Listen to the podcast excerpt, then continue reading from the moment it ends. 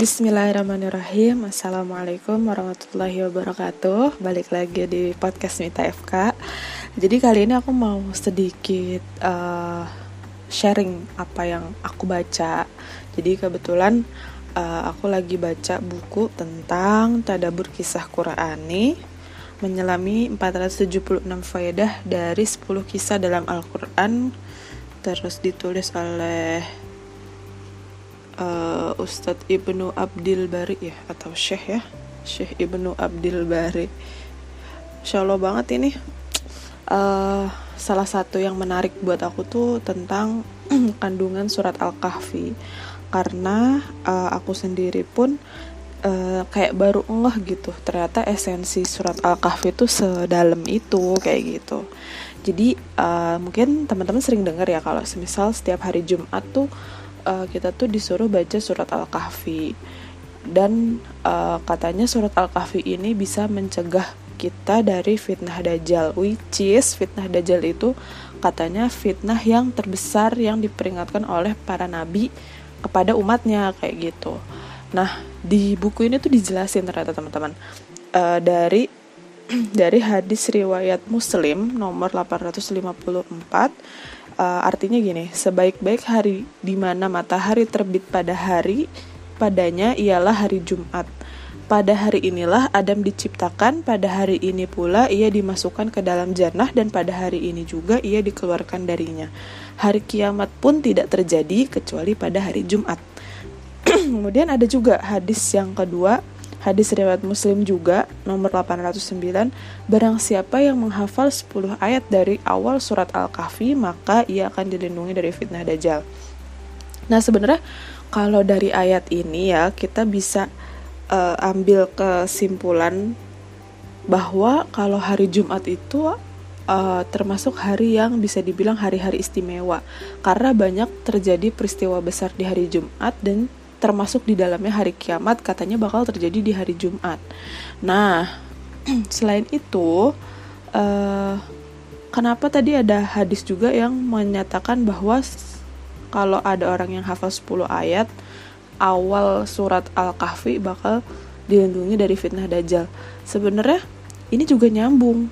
Uh, kenapa kita disuruh baca surat Al-Kahfi uh, untuk menghindari fitnah dajjal? Sedangkan fitnah akhir zaman itu kan akan hadir ya sebelum hari kiamat. Itu fitnah dajjal. Dan dajjal itu termasuk fitnah terbesar yang diperingatkan oleh para nabi kepada umatnya. Jadi uh, itulah sebenarnya menurutku kenapa ya selama ini kita sering banget disuruh-suruh sama orang terus kayak kita sering ngeliat postingan orang atau poster-poster pamflet-pamflet online yang bertuliskan jangan lupa hari ini hari Jumat baca surat Al-Kahfi kayak gitu-gitulah. Sering banget pasti kita temuin. Jadi terlepas dari kesohihan dan kedoifan hadis tentang uh, apa tentang membaca surat Al-Kahfi di hari Jumat tapi aku sebenarnya mengerti sih mengapa akhirnya di hari Jumat itu dianjurkan untuk baca surat Al-Kahfi dari dua hadis riwayat muslim ini gitu kan. Nah uh, di sini juga dibahas sebenarnya. Ternyata surat al-kahfi itu mengandung ada empat uh, kisah sebenarnya. Yang pertama kisah ashabul kahfi. Yang kedua ada kisah Sohibul Jannatain atau pemilik dua kebun. Yang ketiga ada kisah Nabi Musa yang bertemu dengan Nabi Khidir atau Nabi Khodir ya. Kalau di sini dibilangnya Nabi Khodir sih di bukunya. Kemudian yang keempat itu ada kisah tentang Raja Zulkarnain. Jadi kisah ini tuh sebenarnya uh, akan membawa kita kepada suatu kesimpulan besar. Oh ternyata ini kenapa kita disuruh baca Al-Kahfi untuk menghindari fitnah Dajjal gitu jadi yang pertama tentang kisah, kita bahas dulu tentang kisah Ashabul Kahfi ya. Jadi kalau teman-teman pasti udah sering dengar dan sering tahu lagunya tentang Ashabul Kahfi bahwa uh, kisah ini tentang sekelompok pemuda yang beriman kepada Allah uh, dan mereka ini hidup di zaman pemerintahan yang zolim. dan ketika mereka ini para pemuda ini mendakwahkan Islam tapi ditolak dan kemudian harus menyembunyikan diri di dalam gua yang katanya bernama Gua Kahfi untuk menyelamatkan iman mereka. Karena mereka tuh ibaratnya uh, tidak diterima oleh pemerintahan zolim itu ya keimanannya. Jadi mereka dicari-cari gitu. Uh, akhirnya mereka kabur ke dalam gua kahfi ini. Dan katanya mereka tuh ditidurkan ya di dalam surat al kahfi ini dijelaskan bahwa mereka ditidurkan walabithu fi kahfihim salah sami sinin. Jadi 300 tahun wayazdadu tis'a dan ditambah 9 tahun. Jadi kayak 309 tahun lah pasnya gitu. Nah, terus abis itu mereka ini dibangunkan dari Allah setelah uh, keadaan negerinya udah berubah dan penduduknya udah pada beriman sama Allah. Dan ini kalian bisa baca uh, di surat Al-Kahfi ayat 9 sampai 26 ini dijelaskan kisah tentang Ashabul Kahfi jadi di sini kayak kita tuh diceritain banget tentang perjuangannya para pemuda ini untuk mempertahankan keimanannya mereka. Kemudian di kisah yang kedua, kisah tentang pemilik dua kebun. Jadi ada dua orang, yang pertama itu uh, orangnya kufur ya sama nikmatnya Allah, yang kedua ini orangnya beriman nih ceritanya. Nah, pemilik kebun yang pertama ini dia itu punya dua kebun yang satu kebun anggur, yang satu kebun kurma, dan katanya di antara dua kebun itu tuh ada ladangnya juga, dan di celah-celah di antara kebun itu dialiri sungai-sungai. Jadi gimana suburnya dan kayanya ya si pemilik kebunnya itu udah tergambar banget gitu. Tapi kemudian di ayat uh, berikutnya dijelaskan bahwa ternyata tuh uh, si pemilik kebun ini tuh ingkar terhadap terhadap nikmat Allah dan tidak mengimani uh, hari kiamat. Kemudian pemilik kebun yang satunya nih yang beriman itu nasehatin uh, si pemilik kebun yang kufur ini kayak kamu tuh nggak boleh sombong loh ini tuh semua karunia dari Allah ini semua tuh uh, apa sih rahmatnya Allah gitu karena kita bisa punya kebun begini lain sebagainya. Nah setelah itu di akhir cerita dikatakan bahwa uh, Allah akhirnya mengirimkan petir dari langit ke kebun si orang yang kufur itu sehingga kebun itu menjadi tanah yang licin atau airnya menjadi surut ke dalam tanah. Jadi akhirnya uh, semua hasil berkebunannya hilang bahkan kebunnya tuh kayak udah jadi tanah licin gitu. Dan teman-teman bisa baca ya selengkapnya ada di Quran surat Al-Kahfi ayat 32 sampai 44. Dan kisah yang ketiga hmm, itu tentang uh, pertemuan Nabi Musa dan Nabi Khadir kalau di sini ya. Nah, Nabi Musa itu dulu ditanya oleh kaumnya siapakah orang yang paling berilmu atau pintar. Nabi Musa menjawab bahwa dirilah, dirinya lah orang yang paling berilmu. Kemudian Allah menegur Nabi Musa dan memberitahukan bahwa ada hamba Allah yang dikaruniakan ilmu yang tidak diketahui oleh Nabi Musa namanya uh, Khadir. Ya, kemudian uh, akhirnya uh, dikisahkan nih di surat Al-Kahfi ayat 62 sampai 80 kisah bagaimana pertemuan antara Nabi Musa dengan Khodir kemudian akhirnya Nabi Musa mengikuti perjalanan Khodir ya. Uh, pasti teman-teman udah familiar tentang uh, kisah uh, ketika ada perahu terus dibolongin sama Khodir kemudian ada juga anak kecil yang dibunuh sama Khadir dan uh, satu lagi itu ada rumah yang hampir roboh terus dibangun lagi sama Khadir.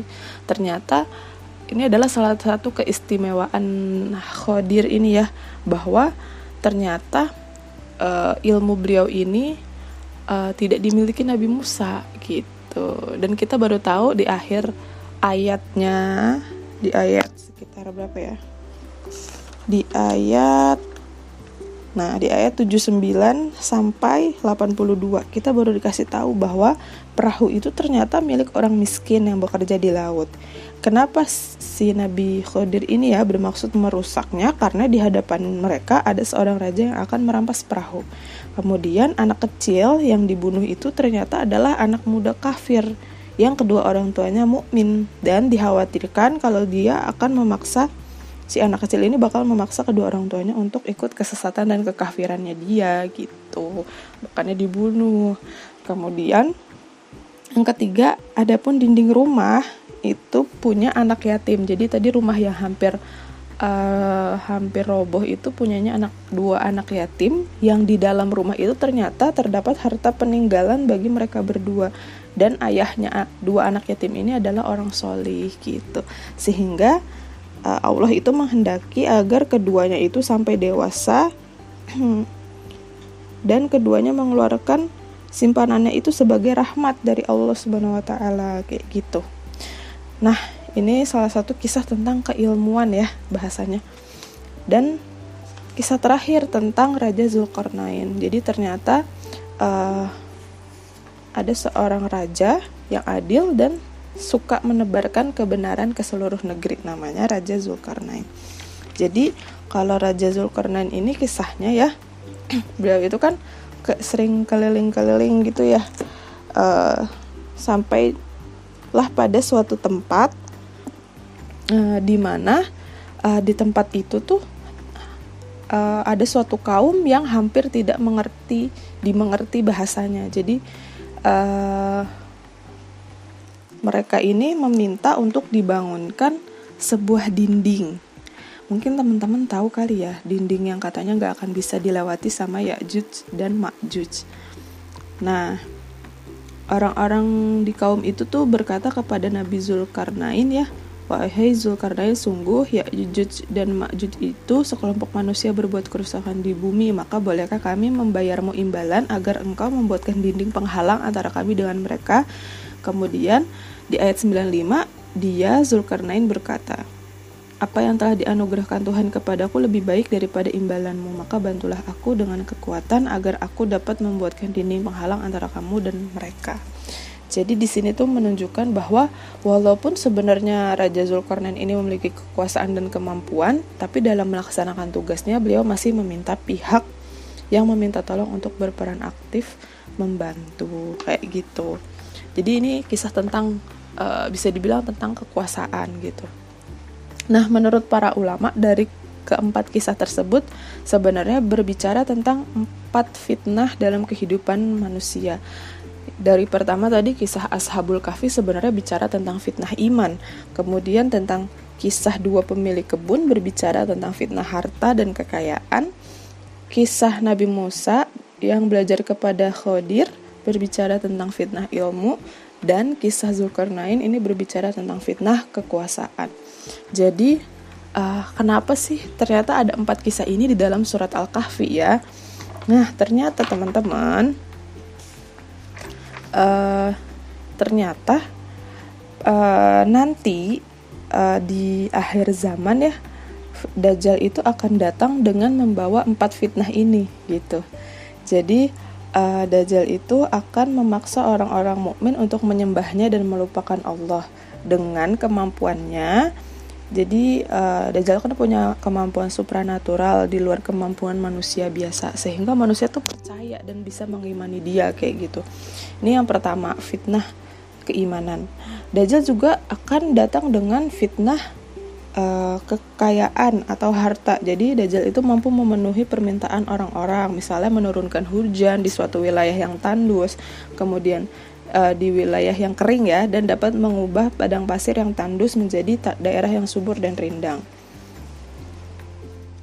Kemudian uh, itu ya tadi.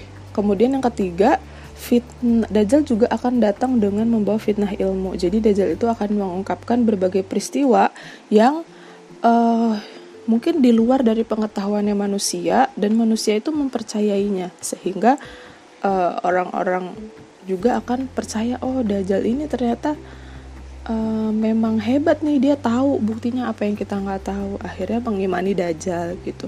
Kemudian yang keempat itu Dajjal juga akan datang dengan membawa fitnah kekuasaan di mana uh, Dajjal itu mampu mendatangi dan menguasai setiap negara serta mengelilingi dunia dalam waktu sekejap jadi kecepatannya itu laksana hembusan angin dan hanya kota Mekah dan Madinah yang tidak dapat dimasuki oleh Dajjal.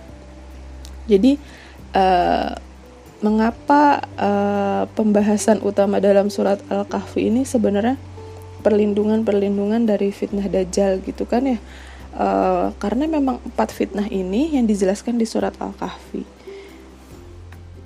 Kemudian hmm, itu sih kenapa akhirnya aku memahami wah ternyata ya kalau selama ini kita berpikir baca surat Al-Kahfi itu hanya hanya perlu baca 10 ayat pertama atau 10 ayat terakhir itu sebenarnya uh, belum cukup gitu karena ketika kita baca satu surat full Al-Kahfi ini kita akan mengerti makna oh ternyata fitnah yang dibawa Dajjal seperti ini dan cara-cara solusi-solusi menghadapi fitnah ini juga terdapat di surat Al-Kahfi yang harus kita baca nih arti-artinya gitu kan. Uh, kayak uh, kemudian tadi soal fitnah harta ya di sini kan Allah menjelaskan bahwa perumpamaan harta itu seperti Allah tuh menurunkan air hujan kemudian semuanya jadi subur. Kemudian akan uh, ada di ayat berapa ya? Aku akan mencarinya. Nah di ayat Al-Kahfi ya surat Al-Kahfi ayat 45 dan buatkanlah untuk mereka para manusia ya perumpamaan kehidupan dunia ini ibarat air hujan yang kami turunkan dari langit sehingga menyuburkan tumbuhan-tumbuhan di bumi kemudian tumbuhan itu menjadi kering yang diterbangkan oleh angin jadi kehidupan dunia tuh kayak segampang itu nggak maksudnya segampang itu hilang gitu loh dan dijelasin juga di ayat 46-nya bahwa harta dan anak-anak adalah perhiasan kehidupan dunia, tetapi amal kebajikan yang terus-menerus adalah yang lebih baik pahalanya di sisi Tuhanmu, serta lebih baik untuk menjadi harapan. Jadi kayak kita dijelasin kalau harta, anak-anak ya, semua kekayaan kita punya di dunia ini tuh nggak ada apa-apanya sebenarnya dibandingkan amal kebajikan yang kita perbuat. Jadi sebenarnya empat fitnah ini adalah empat fitnah yang akan dibawa sama Dajjal dan kita tuh disuruh untuk merenungi nih harus cari solusi untuk menghindari empat fitnah ini dan solusinya semua ada di surat Al-Kahfi maka dari itu usahain ketika kita baca surat Al-Kahfi juga baca artinya. Karena ternyata sedalam itu guys. Jadi kalian jangan cuma baca Arabnya doang dan jangan cuma kenapa sih aku harus baca surat Al-Kahfi ya? Ternyata maknanya yang terkandung di surat Al-Kahfi ini benar-benar luas banget gitu. Nah itu ya mungkin sedikit hal yang bisa aku sharingin dari buku yang aku baca Semoga bisa bermanfaat buat teman-teman semua dan teman-teman juga jadi punya kesadaran penuh. Biasanya nih kita males banget baca Al-Kahfi ya karena banyak kan e, berhalaman-halaman, berlembar-lembar tapi karena kita tahu faedahnya ternyata ada kandungan yang sebegitu spesialnya yang membuat kita bisa terlindungi dari fitnah dajjal terus kita jadi semangat bacanya karena tahu esensi dari surat yang kita baca ini sendiri. Kayak gitu ya teman-teman. Semoga bermanfaat. Kali ini kurang lebihnya mohon maaf. Kalau ada yang salah datangnya dari saya. Dan kalau ada yang baik datangnya dari Allah. Ambil yang baik buang yang buruk. Oke assalamualaikum warahmatullahi wabarakatuh